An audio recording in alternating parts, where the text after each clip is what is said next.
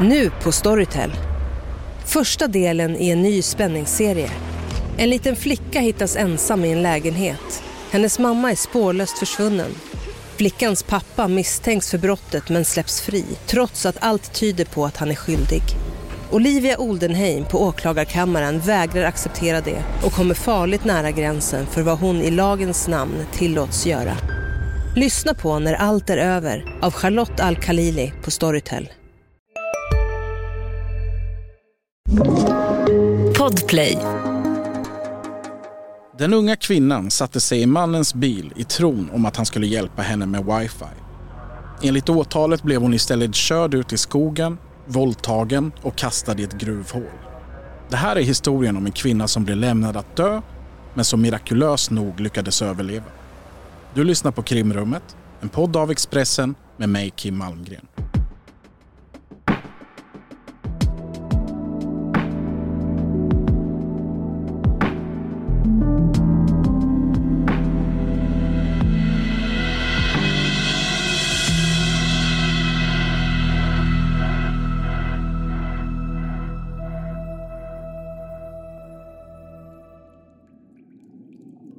Det är eftermiddag den 22 april. I skogarna norr om Norberg traskar en man runt med sina två minderåriga söner.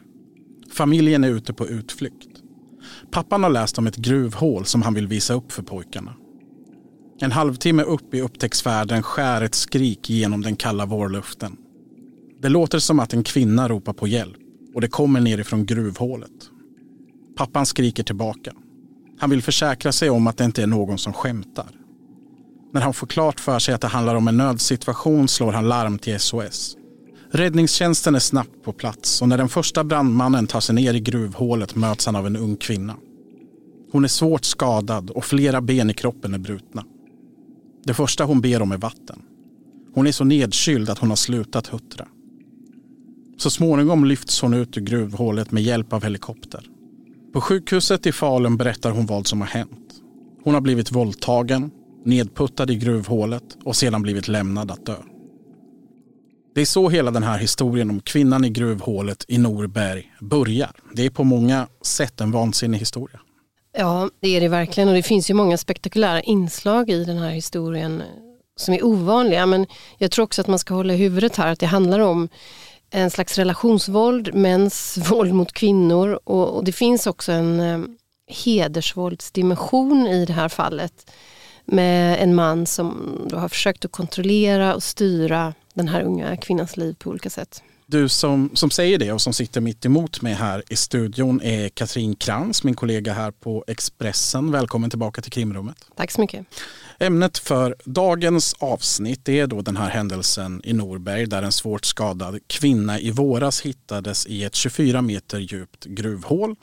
Det är ett av årets mest omskrivna fall och en 41-årig man står åtalad misstänkt för att först ha våldtagit henne, sedan knuffat ner henne i gruvhålet och slutligen lämnat henne där för att dö. Rättegången inleddes i Västmanlands tingsrätt tidigare i veckan och kommer fortsätta månaden ut. Vad, vad, vet vi om rättegången hittills? Inte så mycket faktiskt eftersom, eftersom det är sexualbrott som det rör sig om så sker ju rättegången till stora delar bakom stängda dörrar.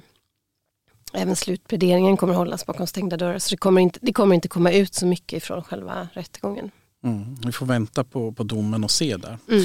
Men om vi blickar bakåt för att få lite perspektiv på den här historien. Kvinnan som är brottsoffret i det här fallet, vem är hon?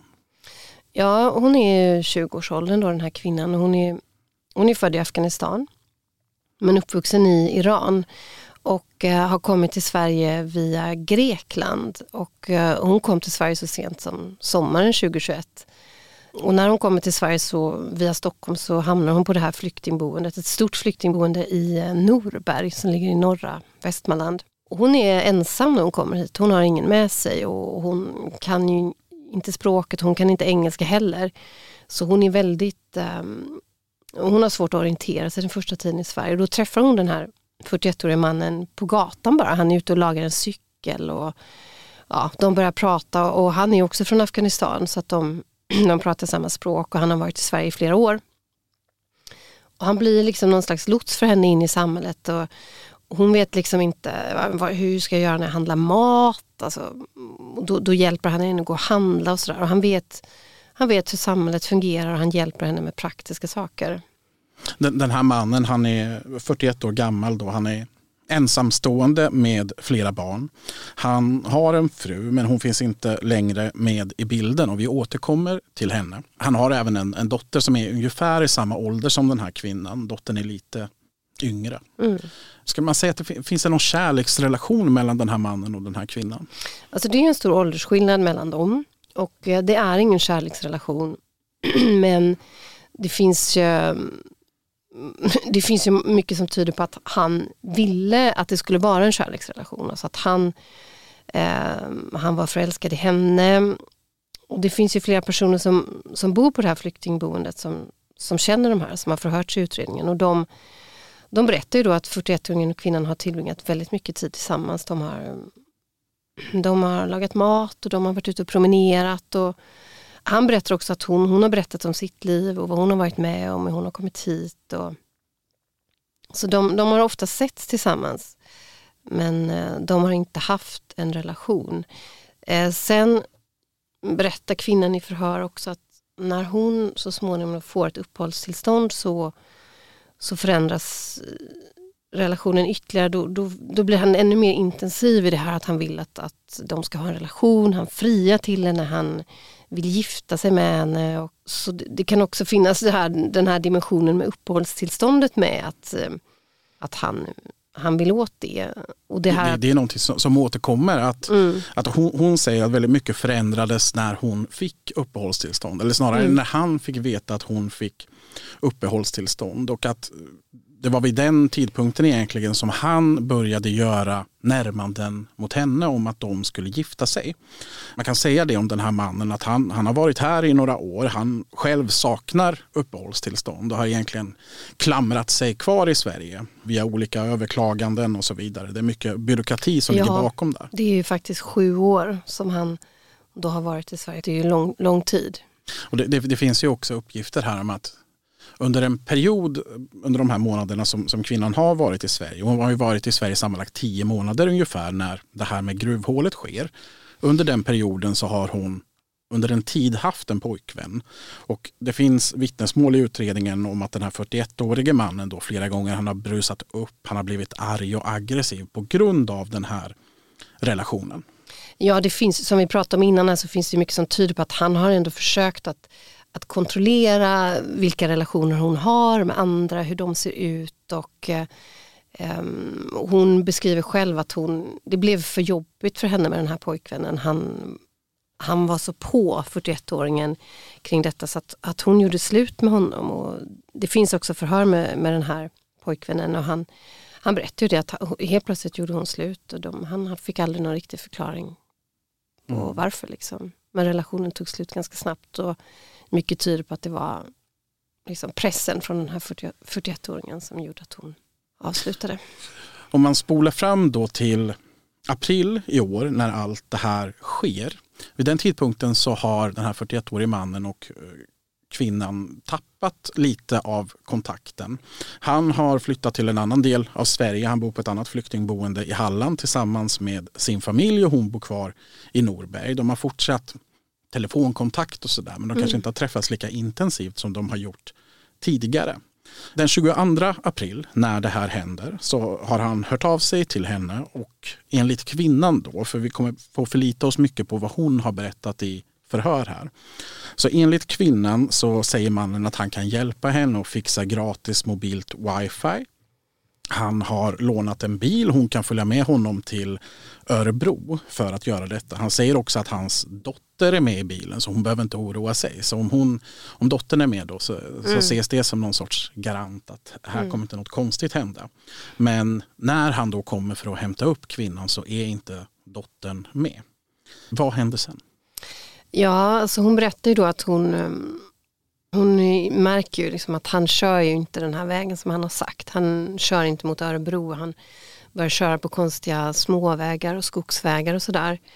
Och när hon ifrågasätter så märker hon att han är arg. Han, ehm, hon säger att han ser obehaglig ut och han brusar upp och han börjar då kasta ur sig en massa anklagelser mot henne. Det här att hon, att hon har varit otrogen mot honom bland annat. Och eh, han ifrågasätter de här relationerna som, som hon har haft då. Den här relationen och eh, hon säger då att till en början så är hon liksom inte rädd för honom. Att hon, hon vet ju hur han är. Det här är inget nytt för henne att han håller på så här. Eh, men det är ändå någonting i, i, hans beteende som sticker ut där. Han är liksom mer forcerad och, eh, än vanligt. Och, eh, ja, så småningom så kommer de ju längre och längre in på de här konstiga vägarna och de hamnar vid, vid då det här som heter Långgruvan. Som ligger någon mil från eh, centrala Norberg och då, då stannar han bilen där. Mm. Vi, vi kan ju säga att Norberg, det, det är gammalt gruvsamhälle. Det finns, eh, man har brutit järnmalm där i, i hundratals år. Allt det där egentligen är ju insomnat sedan länge. Så det som, mm. det som finns kvar är att naturen har väl börjat ta tillbaka det som, mm. som, som människan tidigare har brutit upp. Men det som finns kvar det är ju många gruvhål som ligger runt om uh, ute i naturen uh, kring de här orterna. Ja, det gör det. Det finns också en ruin efter en gammal verkstad som är byggd i tegel. Och uh, den ligger precis vid de här gruvhålen och det är också det kommer visa sig sen att, att de här tegelstenarna som figurerar i utredningen kommer ifrån ruinen som ligger där.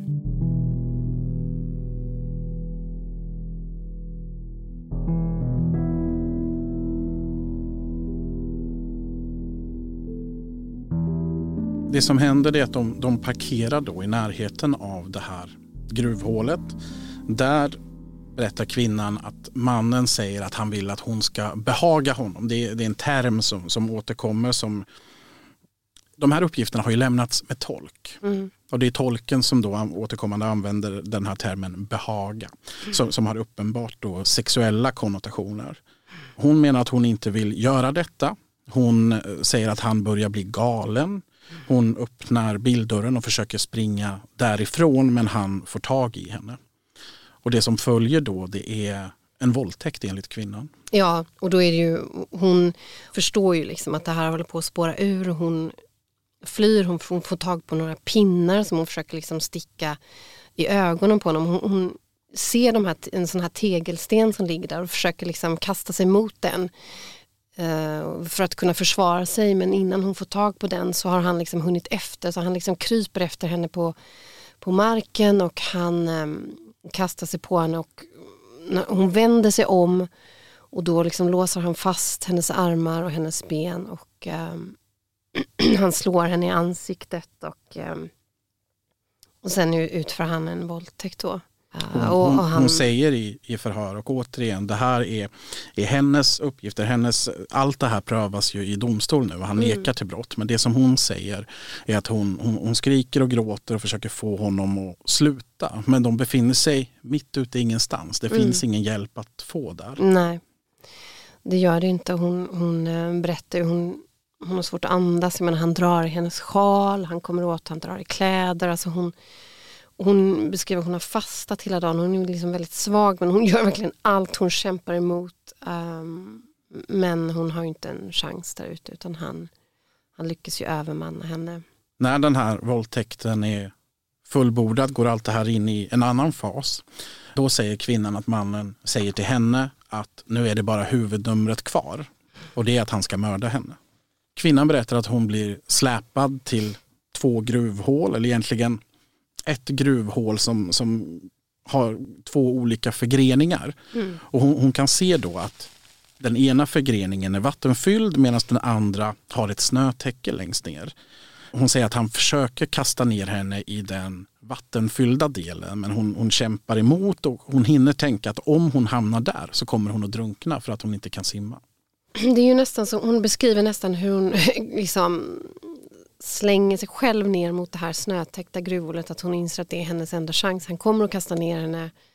Hon måste hamna där hon åtminstone har en chans att överleva. Och, um, när man läser det här så man ser hon visar ju en väldigt sinnesnärvaro på ett sätt. Alltså hon hinner ändå tänka alla de här sakerna och, och göra så att hon, hon, uh, hon hamnar där. Men hon, hon uh, ja, kastas ju ner i det här hålet och det är ju, det är ju 25 meter djupt så det är ju ett, det är ett högt fall och hon, hon eh, bryter ju flera ben, alltså hon skadas ju väldigt svårt um, mm. när hon uh, kastas ner där.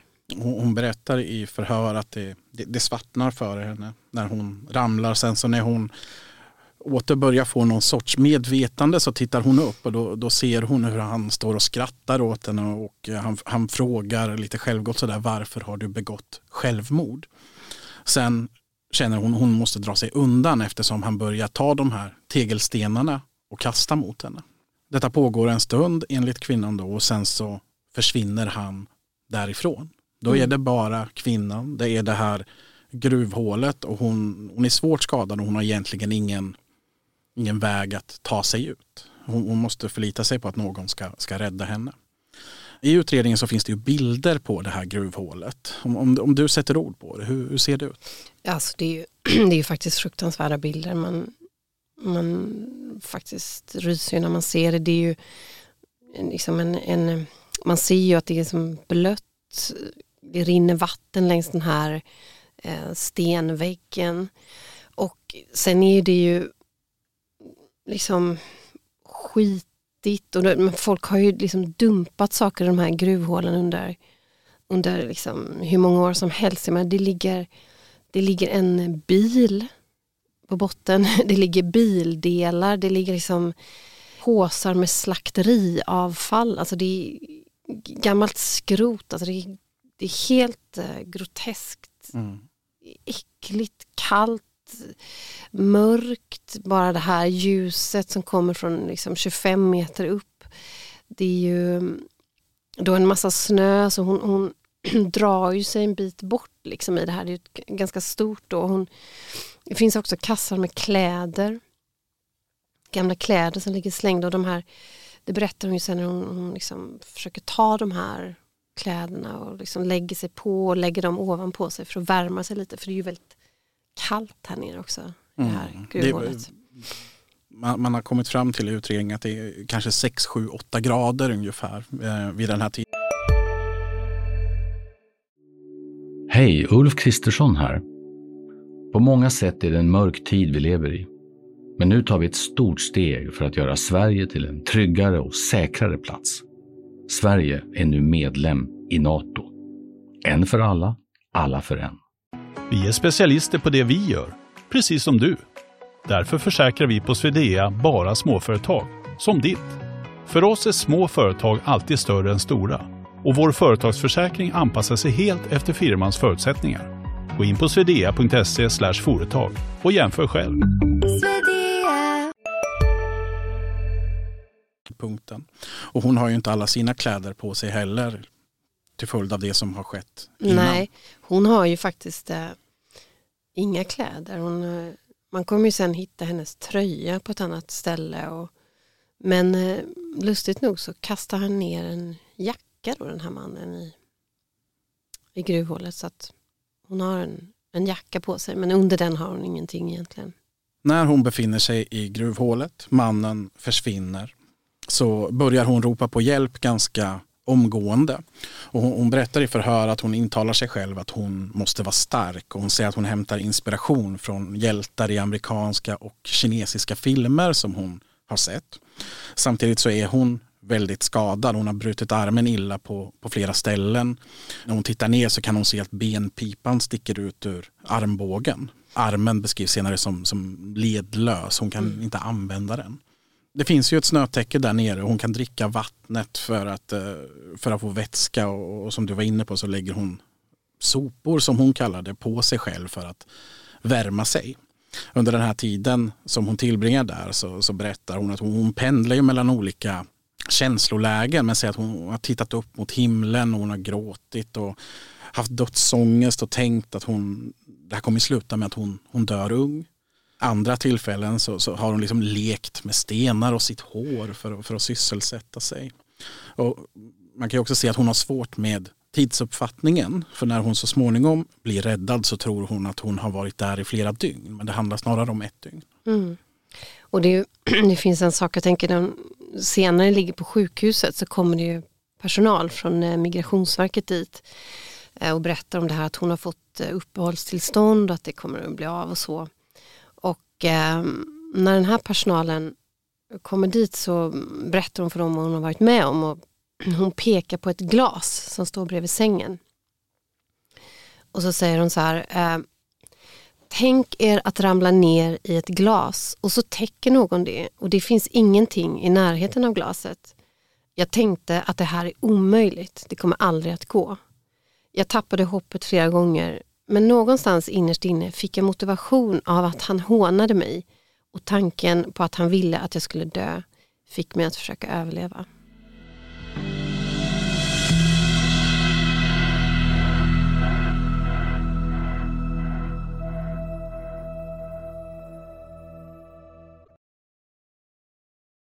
Du som lyssnare har chansen att ta del av ett exklusivt erbjudande.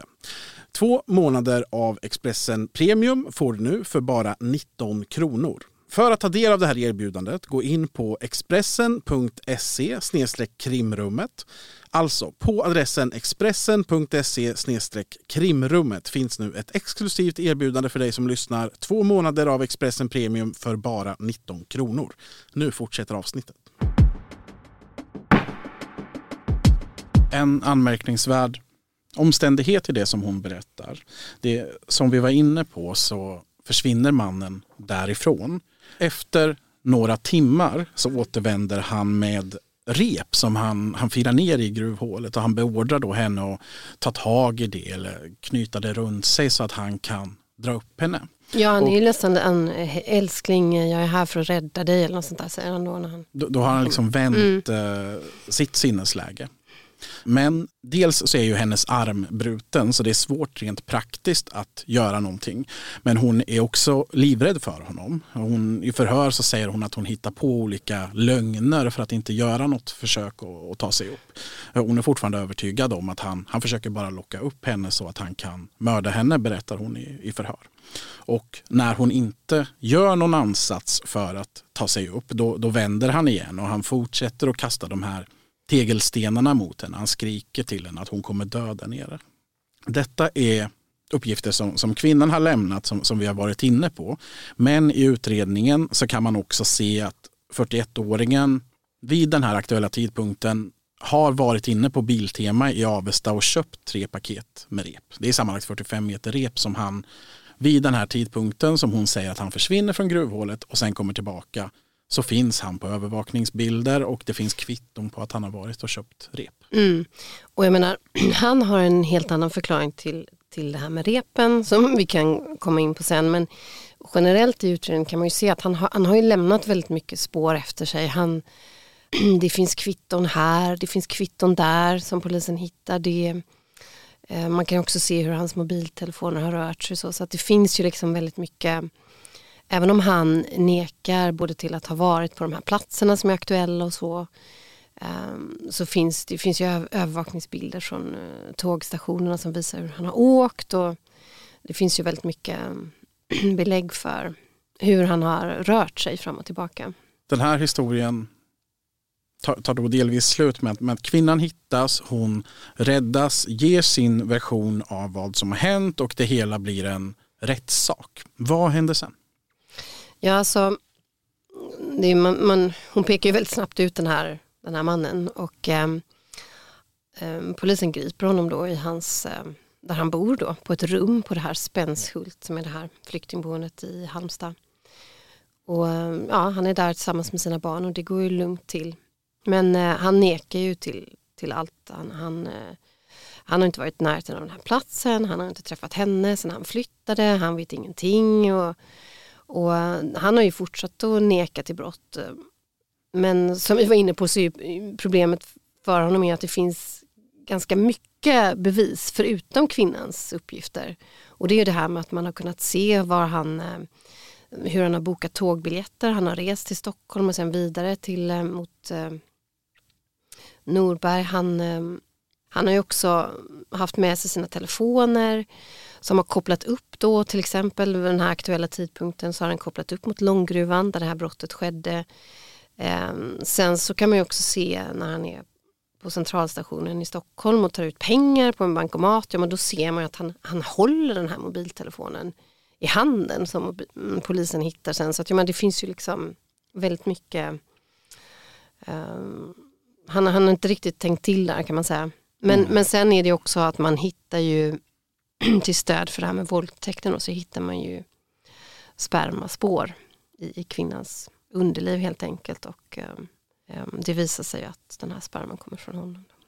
Och när han konfronteras med alla de här uppgifterna i utredningen då kommer han med en helt ny förklaring. Han är utsatt för någon sorts komplott.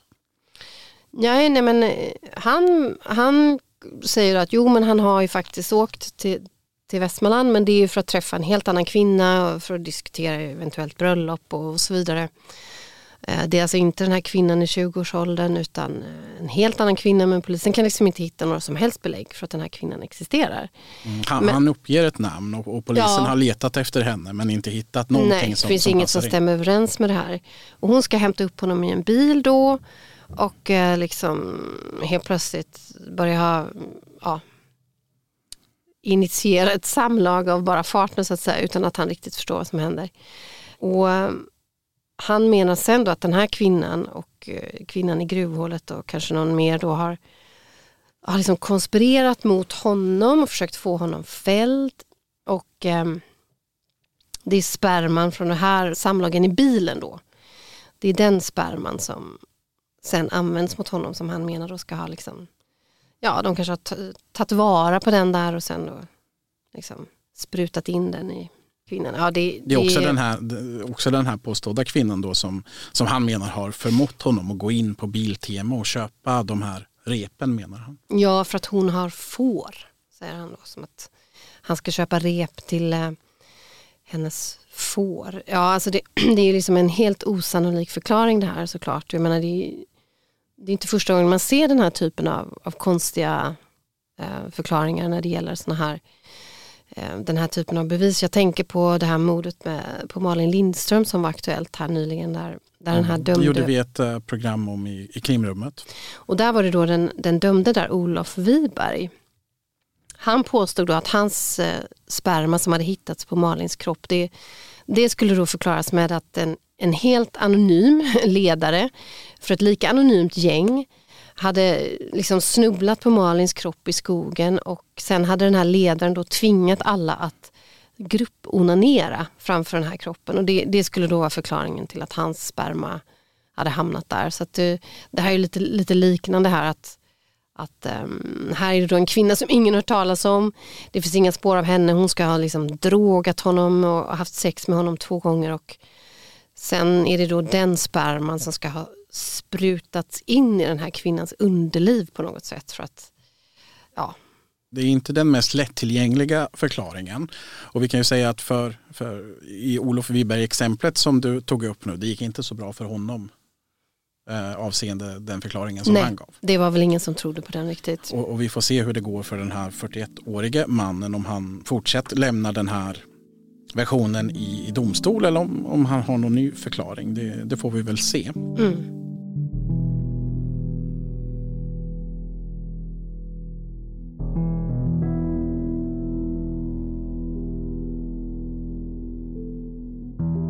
I hela den här historien så finns det en intressant omständighet som vi ännu inte har berört i det här samtalet och det handlar om mannens fru. De kom till Sverige tillsammans med sina barn i samband med den stora flyktingvågen 2015 och under åren som följde där så anmäldes han flera gånger för våld och hot mot henne de här utredningarna ledde egentligen inte någonstans. Det var vittnen som inte dök upp och så vidare. Men det hela slutade med att hon lämnade honom, flyttade till en annan stad och efter det så fanns det också ansökan om kontaktförbud från henne då riktat mot honom. Sen i januari 2020 så hände någonting. Den här kvinnan, alltså den 41-årige mannens fru, försvinner spårlöst. Hon är alltjämt borta. Och i tidigare förhör med polisen så har 41-åringen sagt att hans fru har lämnat landet och att han inte har någon aning om var hon är någonstans. Mm. Men eh, det är klart att uppgifter som i den här gruvhålsutredningen, de sätter ju det här försvinnandet i ett helt annat ljus. Eh, enligt den här kvinnan som kastades ner i hålet så ska mannen då vid flera tillfällen ha sagt att eh, han skulle inte ha några som helst problem att mörda henne eftersom han har redan mördat sin fru. Och han, han säger lite olika saker kan man säga. Han har sagt att han har eh, skurit av henne halsen, att han har kastat henne i vattnet, att hon aldrig har blivit hittad. Och de, de uppgifterna de kommer ju alltså från kvinnan i gruvhålet som säger att under tiden som han begår det här brottet mot henne så, så det är då han bekänner de här sakerna om att han ska ha eh, tagit sin, sin fru av daga. Mm. Vi ska poängtera att han, han är inte misstänkt för någonting i samband med hustruns försvinnande. Det finns en, fortfarande en utredning som är öppen om en försvunnen person. Jag, jag pratade med åklagaren häromdagen och frågade i vilken grad uppgifterna om att han, han själv ska ha sagt att han ska ha mördat henne, om det har spelat in i hennes utredning på något sätt. Det sa hon att nej, vi har fokuserat på det som, som hände i gruvhålet och så säger hon att det finns en utredning om försvunnen person öppen men den har hon inte någon vidare insyn i. Och när vi har försökt få polisen att prata om det här tidigare har de inte heller varit särskilt pratsamma. Så vi vet inte i vilken grad polisen utreder detta aktivt, om man har gjort några fynd. Det skulle kunna vara så att mannen talar sanning. Hans fru har lämnat honom, hon har flytt landet. Men det är inte uteslutet utifrån vad vi vet att kvinnan är död. Vi vet inte vad som har hänt henne. Nej, och där kan man ju se att om man tittar på andra förhör med andra personer i hans eh, omgivning så kan man se att han, han har sagt lite olika saker. Till någon har han sagt att hon har försvunnit med sin pojkvän. Eh, hon har dragit, hon har lämnat honom och barnen och sådär. Och sen har han också berättat det här med att han, han då har dödat henne. Så att det finns lite olika uppgifter om det. En, det finns en annan udda sak som sticker ut i det här och det är ju att man i ehm, utredningen har hittat bilder som han har tagit på sig själv. Han har alltså tagit ett antal selfies framför olika sådana här nedlagda gruvhål. Så att um, tre olika, tror jag i alla fall. Mm. Det, det, finns som ett litet collage i utredningen mm. på när han poserar då och mm. tar bilder på sig själv framför de här gruvhålen. Ja, och det väcker ju också en, en hel del frågor. Varför, varför gör han det? Mm. Och det? Han svarar liksom inte riktigt på det i utredningen heller utan han konstaterar att han har varit där med sin familj så här, han har, och tittat. Och, men det mm. upplevs ju som udda med tanke på det som händer det som oavsett den, den rättsliga utgången här så kan man eh, med gott fog slå fast att den här kvinnan har varit med om något fruktansvärt. Hon låg i det där gruvhålet helt försvarslöst och hade hon inte hittat så hade hon med största sannolik avlidit. Det fanns ingen möjlighet för henne att ta sig upp därifrån själv. Nej. Och eh, det är ren tur egentligen att det, det dyker upp en, en familj som kan slå larm. Ja, det är verkligen um, en chans på hundra. Man kan se i utredningen också att det här är någonting som, som har märkt henne. Hon säger till polisen i olika sammanhang att hon, hon mår sämre och sämre psykiskt och hon, hon har svårt att sätta ord riktigt på, på hur hon känner och varför hon känner så. Men det är tydligt att det här är någonting som har, har märkt henne och påverkat henne. Ja, alltså när hon lämnar sjukhuset så är hon inte heller återställd fysiskt. Jag menar, hon kan inte tvätta håret själv, sätta på sig kläder själv. Så hon har ju väldiga skador på armarna till exempel. Så att hon är ju inte alls hon är ju inte återställd vare sig fysiskt eller naturligtvis inte psykiskt heller. Hon säger också till den här personalen från Migrationsverket som är där att eh, innan, innan de går så uppmanar hon, hon dem att eh, inte lita på någon och inte på män. Hon säger att hon är, är trött på män och uh, vill stå på egna ben. Allt detta avhandlas nu i den pågående rättegången i Västmanlands tingsrätt. Den pågår månaden ut och vi fortsätter följa fallet. Tack för att du ville vara med i krimrummet, Katrin Krantz. Tack så mycket. Ett nytt avsnitt av Krimrummet hör ni nästa vecka.